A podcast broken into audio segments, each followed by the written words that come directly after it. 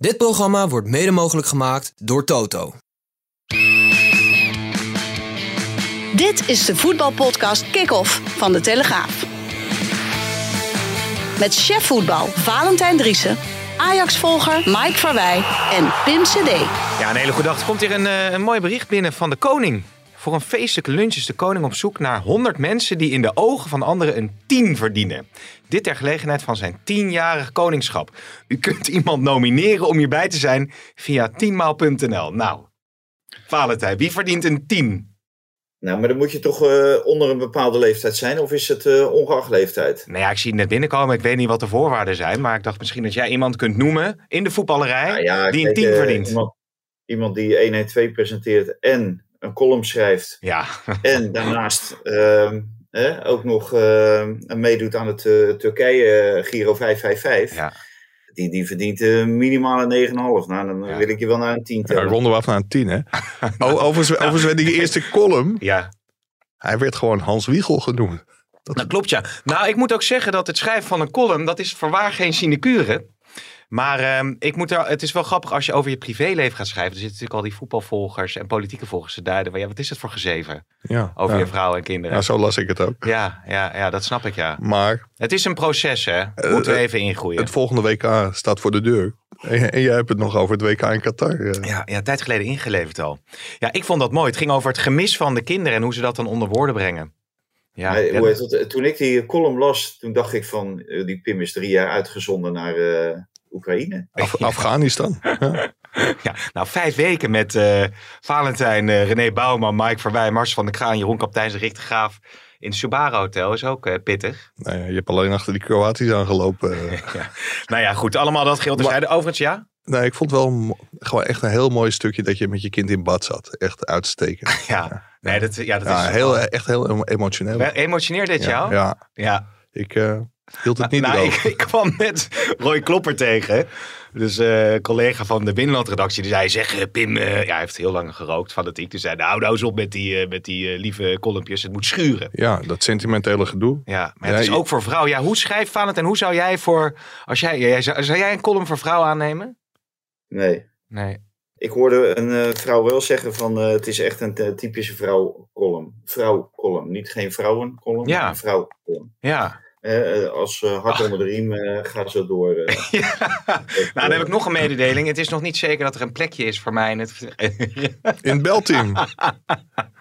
Het belt hier niet. ja, nee. Nou, tussen vier uur s'nachts en zes uur 's ochtends schijnt er nog een gaatje te zijn als Monique Smit niet kan. Ja, Maar ehm, anders, ja, die ligt natuurlijk enorm onder vuur ook, Monique Smit, hè? ja, dat heb ik gehoord. ja. Zo. Eh, Bereikt dat bereikt dat ook Ilpendam of niet? Ja, dat heeft af wel bekijkt. Nee, Monique Smit was een van de aanjagers als het gaat over die eh, kinderboekenschrijver, Monique, Pim Smit- Lammers. Monique Smit is toch een oud collega van je? Zeker, ja. Ja. ja. Nee, die Pim Lammers die had toch die, eh, dat Ja, verhaal dat- geschreven wat, eh, ja, waar, waar mensen van zeiden dat is pedofilie. Dus eh, hij heeft uiteindelijk doodsbedreigingen gekregen en heeft zich teruggetrokken van het schrijven van het kinderboekenweek eh, geschenk. En eh, Monique Smit was een van degenen die eh, opwierp of Pim Lammers dat eh, al dan niet mocht zijn. Maar goed, dat allemaal Ja. geheel terzijde. Zullen we het over voetbal gaan hebben? Want we hadden net, we hadden net een, eh, eigenlijk een soort redactievergaderingetje eh, voordat de podcast begon. Dat ging over, ehm, en dat is toch wel opmerkelijk natuurlijk, over Schreuder. Mhm.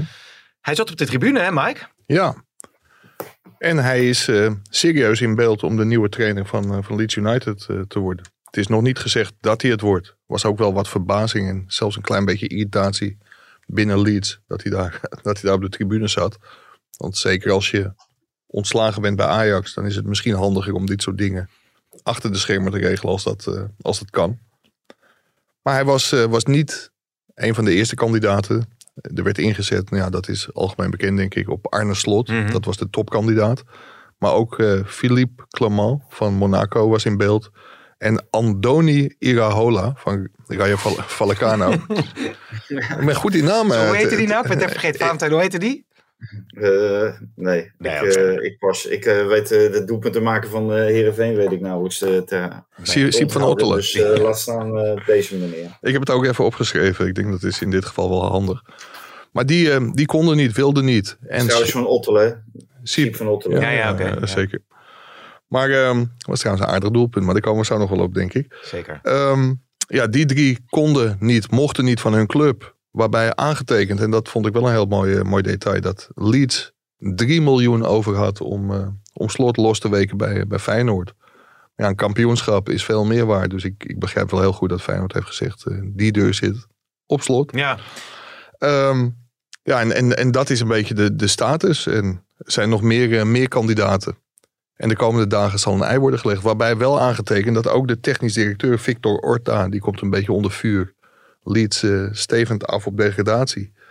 En als er was gelijk gespeeld of gewonnen van Manchester United, dan had hij misschien wat meer tijd kunnen nemen. Maar er komt nu toch wel wat druk op.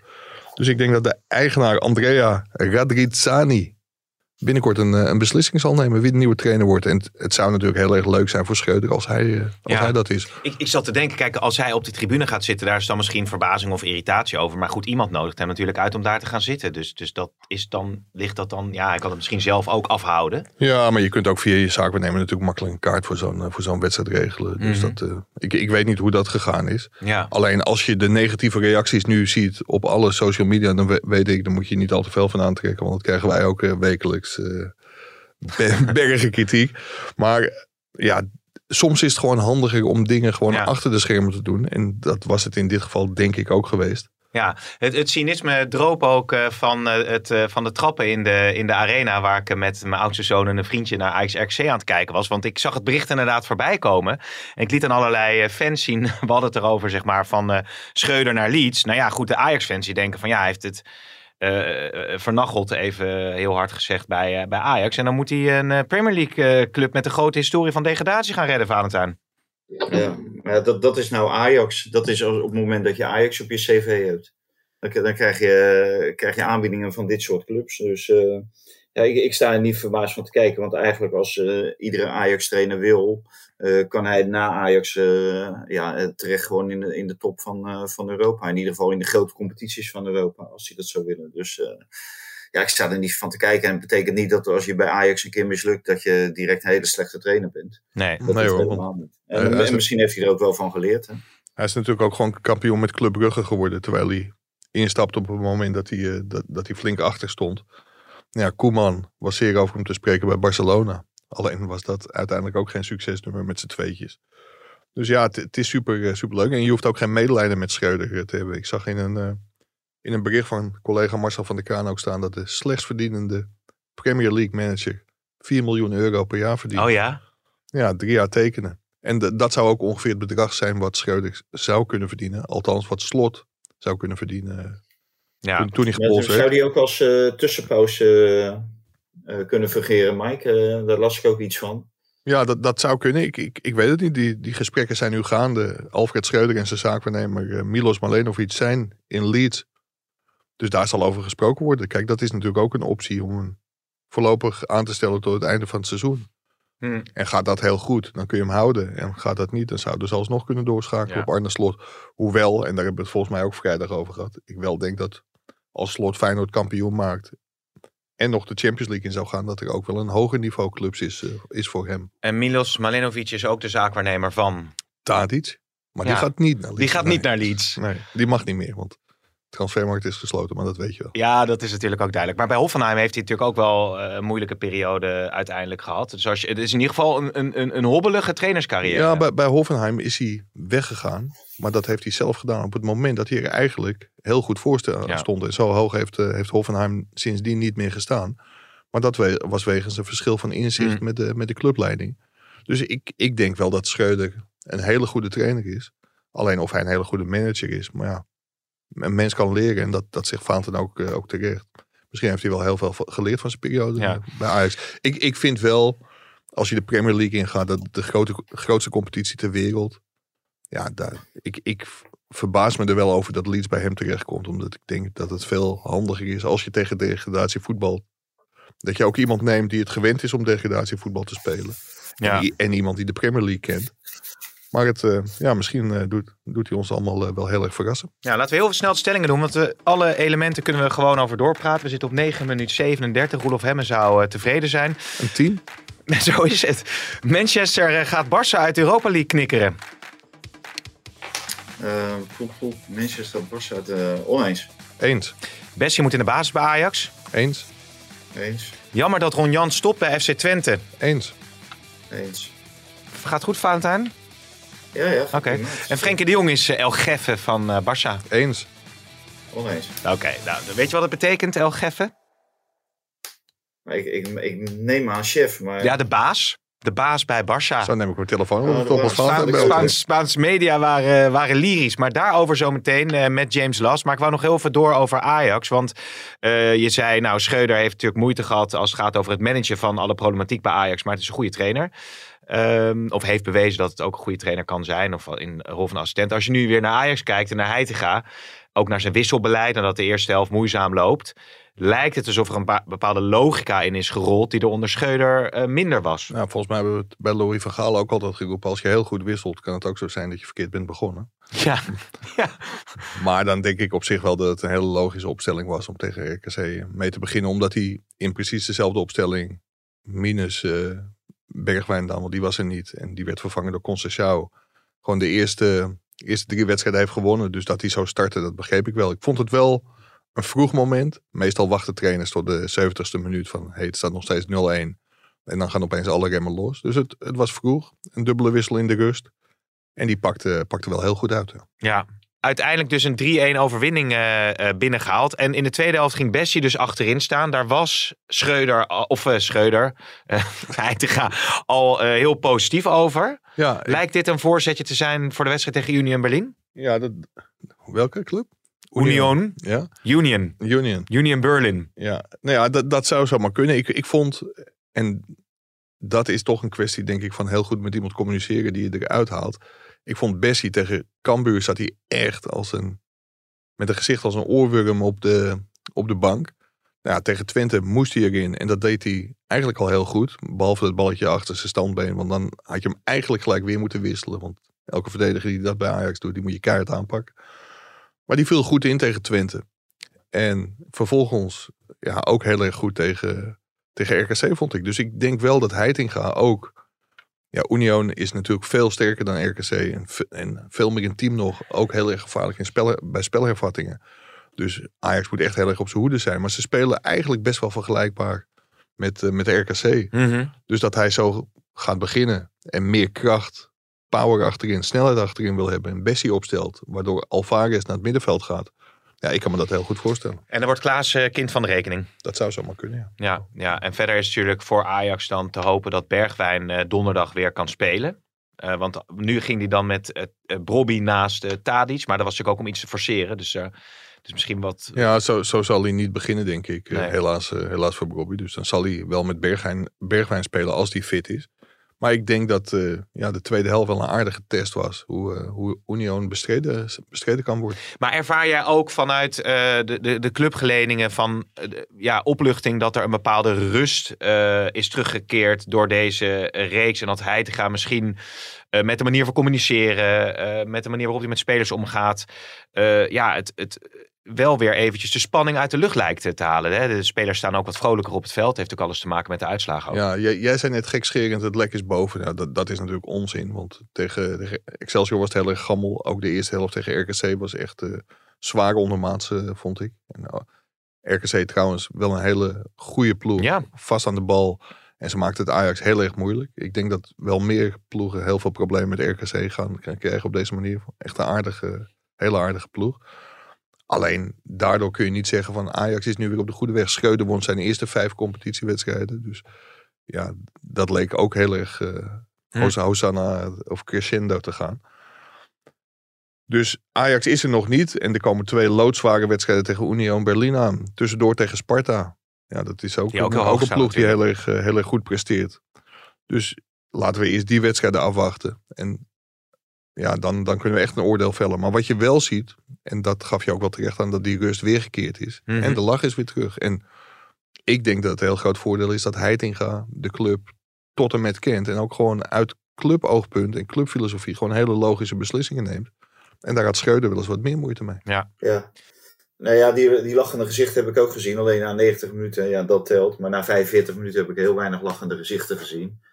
En zag je toch uh, wat meer uh, onrust en uh, wat paniek in de ogen. Ja. Maar dan, daar is de trainer voor om dan in te grijpen. En dat heeft hij uitstekend gedaan. Ja. ik, ik, ik vind ook, ik zat de eerste helft te kijken, dat ik dacht ook van...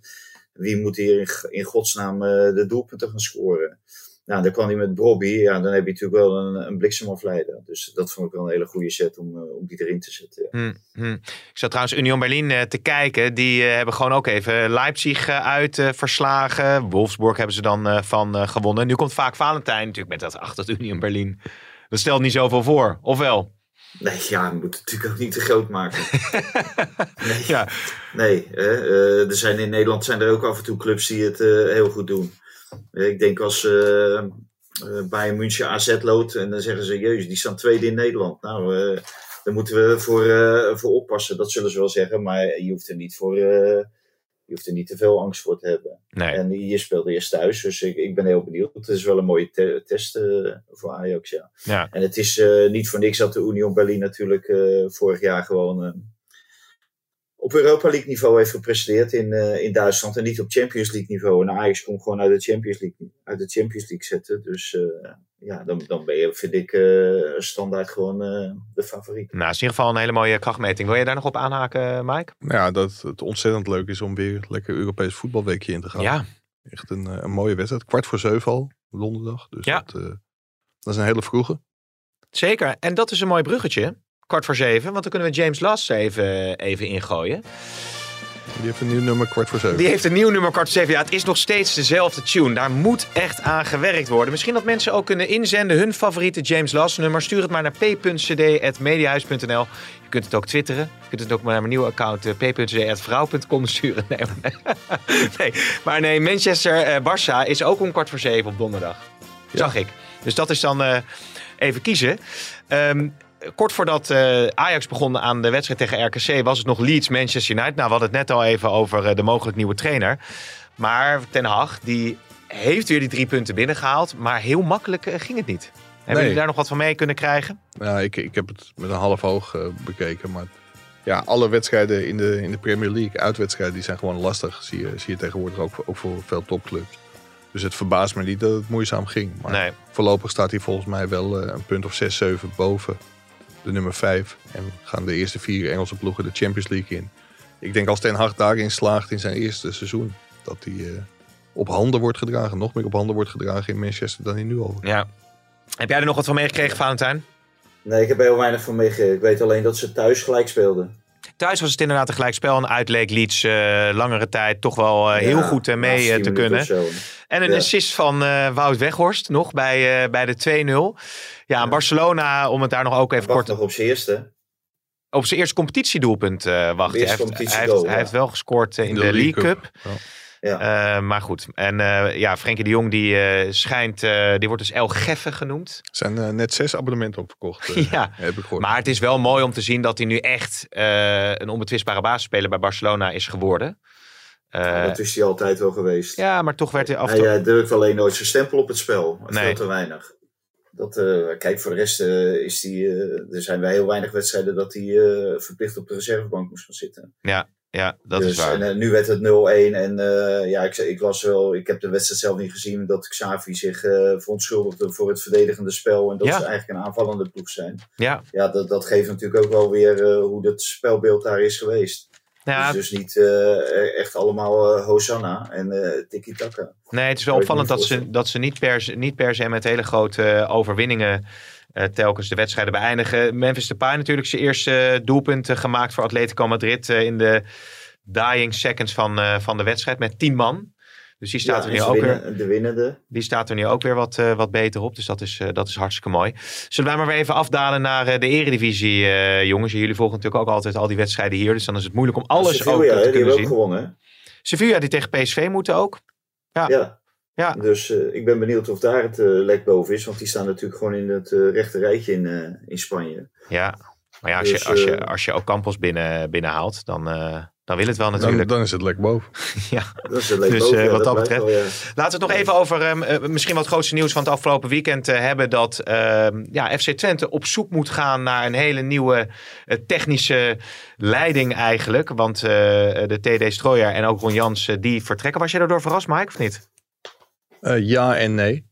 Ron Jans die, die zit er volgens mij nu 2,5 jaar. Na drie seizoenen ja, vind, vindt hij het mooi geweest. Ik denk dat het op zich ook niet heel onverstandig is. Als je zo goed presteert bij een club. en zelf denkt dat het alleen maar minder kan worden, ja, dan moet je misschien, eh, misschien weggaan. Dus dat, dat verbaast me niet.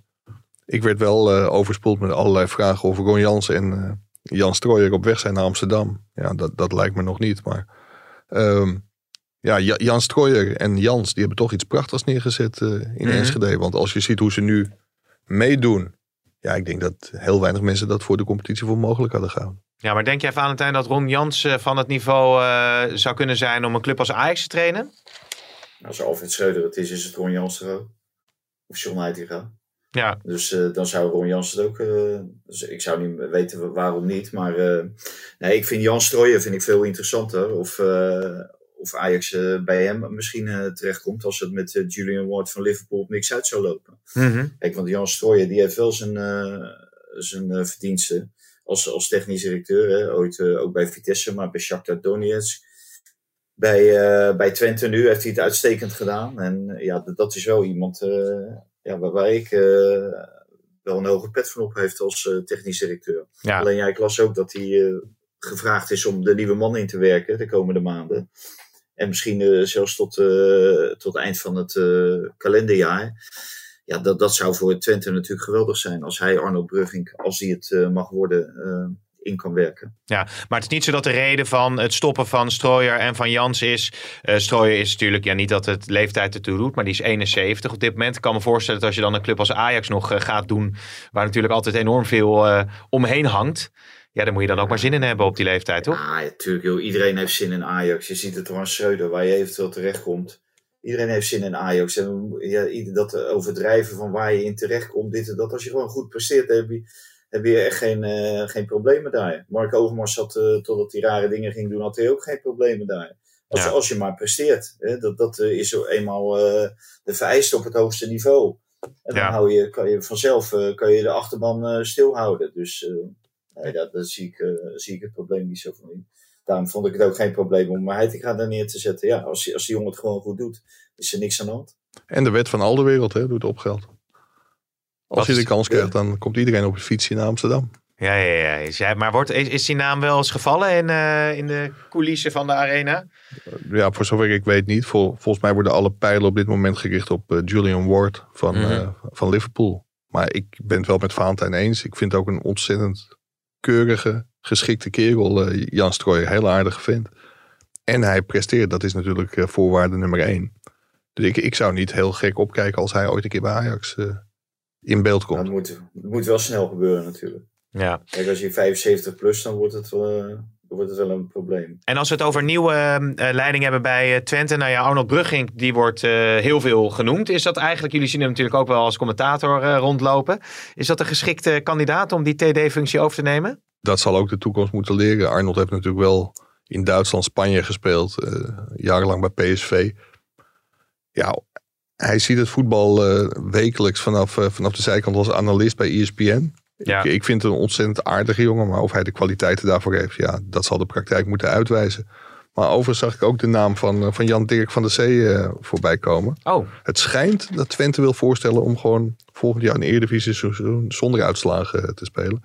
je bedoelt op het jeugdvoetbal bij de KNVB. Dus dat, ja, Gewoon lekker voetballen zonder, zonder stand, Oh, zonder ja. uit, uitslagen. En dan ja. iedereen blij. En nieuwe trainer, heb je daar gedachten over voor Twente? Nou, ik vond eh, wat Ibrahim, Ibrahim Afellay gisteren zei, vond ik wel een aardige suggestie. eh, Marie Stijn, hè, zo'n voetbaltero. Mhm. Hij zit eh, bijna iedere, iedere wedstrijd dat hij kan, ehm, zit hij op de tribune bij, bij FC Twente. Dus hij heeft sowieso een goed beeld van de selectie, denk ik. Nou, zal dan ook wel te horen krijgen van zijn zoon hoe de jongens in elkaar steken, wat ze nodig hebben als trainer van FC Twente. Dus dat vond ik niet zo'n rare, rare optie. Er was één iemand het niet mee eens. Hè? Nee, je wilde er niks over Ik zeggen. heb dat weer niet gezien. Wie was het daar? eh? Dat zit zo gigantisch diep. Pierre, Pierre van Hooijdonk. Ja, Die vond, eh, want Avalai zei terecht dat Stijn natuurlijk echt geweldig presteert met over Sparta. NAC heb je het dan. Maar in algemene zin moet je niet naar de stand kijken. En niet naar het presteren in de ranglijst. Oh, ja. En, eh, ja, daar zit Nee, moet, zoveel... je kijken, moet je kijken wat iemand op het trainingsveld doet. Nou, nou, Pierre heeft natuurlijk eh, dagelijks op het trainingsveld gestaan bij, eh, bij NAC. Dus die kan daar wel over oordelen, ja. Oh, dit, Ja. ik merk, proef je ook wat cynisme? Ja, en die haalt dat is terug. ook nooit geweest, ja. Dit, dit is natuurlijk Pierre ten voeten uit. Dit is... eh, Ja, Echt door, door rancune gedreven. En dat, dat is echt heel erg zonde, want dat eh, slaat er echt helemaal nergens op. nee, nee, nee. Kijk, ik bedoel, als je dan als NAC besluit om Hiballa terug te halen, dan eh, als je weet wat hij bij zijn afgelopen clubs heeft gepresteerd, dan denk ik van, eh, ja, kijk daar dan ook naar. Maar misschien is het eh, in het geval van Stijn ook een keer raadzaam om te vragen aan de mensen die met hem gewerkt hebben. En dan misschien niet bij NAC, maar bij andere clubs. Want volgens mij staat, eh, staat Stijn er echt heel erg goed op. Oké, oké. Eh, nog twee punten die we even beet kunnen pakken. Ja, jouw column, maar we hebben het daar afgelopen vrijdag ook over gehad, is over Xavier Simons. Maar afgelopen weekend ja, laat hij weer zien dat hij de, de eredivisie ontgroeid is. Zou je dat al kunnen zeggen, Valentijn? Nou, wel als hij deze ontwikkeling eh, doorzet, ja. Dan, dan weet ik niet wat, wat hij bij, eh, bij PSV eh, in de Eredivisie te zoeken heeft, ja. Kijk, hij neemt die ploeg nu al op sleeptouw. Als hij dadelijk in Europa hetzelfde doet, hè, dan, ja, dan denk ik, ja, dan moet deze jongen gewoon volgend jaar Champions League spelen en geen Europa League. Ja, Dus afhankelijk van wat PSV volgend jaar speelt, zou ik als Xavi Simons, zou ik denken van, ja, ik wil gewoon terug naar de Champions League. Dat heeft hij heel kort meegemaakt bij Paris Saint-Germain. En ik denk dat hij daar veel beter van wordt dan, eh, dan in Europa League of, eh, of eventueel de Conference League. Ja, maar dan, Dus, moet, eh, dan moet hij wel een club uitzoeken waar hij altijd speelt. En dat is bij Paris misschien, eh, misschien lastig. Dus dan zou je aan een andere club kunnen denken als, als Paris. Maar ik, ik vond het wel heel opmerkelijk. Nou, ja, ik heb je column gelezen, maar hem werd heel duidelijk de vraag gesteld van... is er nou een kans dat, nou ja, over de clausule, alles erop en eraan... ja, Hij had heel makkelijk kunnen zeggen van ja, voor mijn ontwikkeling is het gewoon veel beter om nog een jaar met, eh, met, bij PSV te blijven. We gaan de gesprekken in om eruit te komen. Dan was het heel helder geweest. Maar hij liet heel duidelijk de, ja, die deur wat dat betreft nog even dicht. ja. En ik denk dat, eh, dat het een hele klus wordt voor PSV om hem te overtuigen om die clausule uit zijn contract te slopen. Ja, ja, ja, dat gaan we afwachten. Overigens over eh, Van Nistelrooy eh, gesproken. Die had schijnbaar tegen Gakpo gezegd dat Man United een mooie club was eh, voor hem. Hij heeft natuurlijk uiteindelijk voor Liverpool gekozen. Of hij is naar Liverpool gegaan. Maar er was ook nog wel een dingetje, zag ik in de media voorbij komen. eh, dat eh, ja, Gakpo liever naar Manchester United zou zijn gegaan. Maar hij, had natuurlijk, hij voerde ook gesprekken met Manchester United. Hè? Ja. Eh, ook op het moment van, eh, van Liverpool. Het was eigenlijk een overval van Liverpool. En vooral omdat Manchester United niet door, doorpakte. Omdat eh, zij natuurlijk met die overname zitten. Ja. Die, die, die club staat te koop. En ja, de eigenaren die wilden niet zulke bedragen. Daarom is Manchester United natuurlijk uiteindelijk bij Wout Weghorst gekomen. De huur van Wout Weghorst. Mhm. En niet, en niet bij Cody Gakpo, die voor 50 miljoen op te halen viel. Maar dat is de huidige eigenaar, of eh, was de huidige, huidige eigenaar eh, te gortig op dit moment. Maar anders Ja. had hij gewoon bij United gespeeld. Want ja, vorig jaar was het natuurlijk, tenminste vorig jaar. Ja, er was vorig jaar zomer was natuurlijk al interesse, Ja. verregaande interesse eh, voor Cody Gakpo door United. Ja, in, in ieder geval eh, speelt Liverpool eh, maandagavond eh, de derby tegen Everton. Kijken of het dan, wat is het, 0-0-8 gaat worden hè, voor Gakbo. Want hij heeft op dusverre nog nul doelpunten en nul assists gemaakt. Dan belanden we uiteindelijk bij de koploper. Feyenoord, een moeilijke wedstrijd tegen Herenveen. Toch met eh, 2-1 weten te winnen. Wie scoorde er nou ook alweer voor Herenveen? Siep van Ottelen. Siep van Ottelen. Wat zei Valentijn? Nee, ik ga het even opzoeken. Ja, zoek jij het even op. Ja, hoe moeten we daar verder over, over oordelen? Nou, we hebben ook geschreven voor Kuksje is het een, eh, een heel be- beladen eh, periode. Die is nu geschorst. Ja. Dat is natuurlijk Ja. met de wedstrijd tegen AZ in het vooruitzicht wel eh, een hard gelach. Ja, dat is natuurlijk een verzwakking voor, voor Feyenoord. Alleen, ja, die zit in een bepaalde flow. En dat vond ik bij momenten ook in die wedstrijd tegen Herenveen. Er zit gewoon heel veel mee. hè. Die balletjes van eh, Sidney van Oudonk die er net niet in vliegen. Mhm. Eh, een goal die wordt eh, afgekeurd eh, vanwege buitenspel. En nou, er was gewoon 3 mm buitenspel. Ja, buitenspel is buitenspel. En de, de eerste, de beste aanval van Feyenoord, die, die vliegt erin. Na, eh, nadat ze 20 minuten eigenlijk zwaar onder druk hebben gestaan. En slecht, slecht begonnen aan de wedstrijd. Ja, Eh, eh, niet voor het eerst trouwens. Dat was natuurlijk tegen NEC eigenlijk ook zo. En zelfs ook tegen PSV. Dus ehm, ja, ja wat, wat dat betreft zit, zit alles mee. En ja, dan, eh, dan word je wel vaak eh, maak je een goede kans om, kan, eh, om kampioen te worden. Ja. Maar Mike? de Kukshoe Ja. gaan ze wel missen. Mike? Ja, ik, ik, ik moet zeggen, het, het zit zeker mee bij, bij Feyenoord. Want ik, ik, ik vond het ook buitenspel hoor, omdat eh, zeg maar die speler van Heerenveen een poging deed om de bal te spelen. Hm. Maar ik kreeg van de kenners wel te horen dat deze goal in de Champions League absoluut niet was afgekeurd. Omdat die speler en niet in het zichtveld van de keeper stond. En die bal niet raakt. Ja, in de Champions League was dit een goal geweest. Dus maar nogmaals, ik kan me heel goed voorstellen dat hij wel afgekeurd wordt. Want het scheelde geloof ik een millimeter. En hij deed echt een poging om die bal te spelen. En betrok zich volgens mij daardoor wel in het spel. Mhm. Maar het zit, het zit heel erg mee bij Feyenoord. En ja, je zou bijna denken van als daar een Paul van Boekel had gezeten. Die dus wel de Champions League regels had gehanteerd. Had je zomaar kans gehad dat hij wel goedgekeurd was. Die goal van, uh, van, Ja. van, van Heerenveen. En ja, dan, dan krijg je toch een hele klus om daar bij Heerenveen nog te winnen. Nu was het zo, het werd 0-1, 0-2 en volgens mij had het voor rust ook nog heel makkelijk 0-3 kunnen worden. En dan had Feyenoord echt een hele makkelijke middag beleefd. Alleen in de slotfase werd het nog even, na de goal van Siep van Ottelen, werd, werd het nog heel spannend. Of tenminste niet, niet heel spannend, maar nog even spannend. Maar een dik verdiende overwinning al met al, denk ik, Ja, de vibe van Jiménez komt van pas, schreef eh, Marcel van der Kraan als kop. Die, die keuze, eh, Valentijn, is nu wel echt gemaakt. Eerst eh Nou, daar, spits. li- daar lijkt het wel op. Daar lijkt het wel op. Alleen ehm, Slot heeft natuurlijk ook altijd gezegd dat hij nog geen drie wedstrijden in de week aankwam. nee. En je ziet wel, iedere keer eh, wordt er natuurlijk gewisseld. En die Danilo kwam er nu ook eh, in. Ja, die maakte niet een bepaalde frisse indruk. Dat, dat was niet iemand die even voor zijn plaats aan de knokken was. Ja, een beetje, een beetje slap. eh, maar ja, dat zijn we wel van hem gewend. En dat is natuurlijk eigenlijk het hele seizoen al. Doet wel zijn werk, maar eh, is gewoon veel te weinig beslissend. Ja. Veel te weinig aanwezig. En dat is die Jiménez wel. Ja, ja, ik denk dat we rustig kunnen gaan afronden. Of zijn er nog bepaalde dingen die we mee willen nemen? Ja, er staat ook eh, g- tijd voor FC Groningen begint te dringen. Nou, dat lijkt me evident dat die eh, zeer eh, in de hoek zitten waar de knappen vallen. Die spelen komend weekend tegen Emmen. Dus dat wordt een hele belangrijke Ook wedstrijd. een hele mooie wedstrijd, ja. En ja, Ik wilde jou nog feliciteren. oh, Met je collega Max.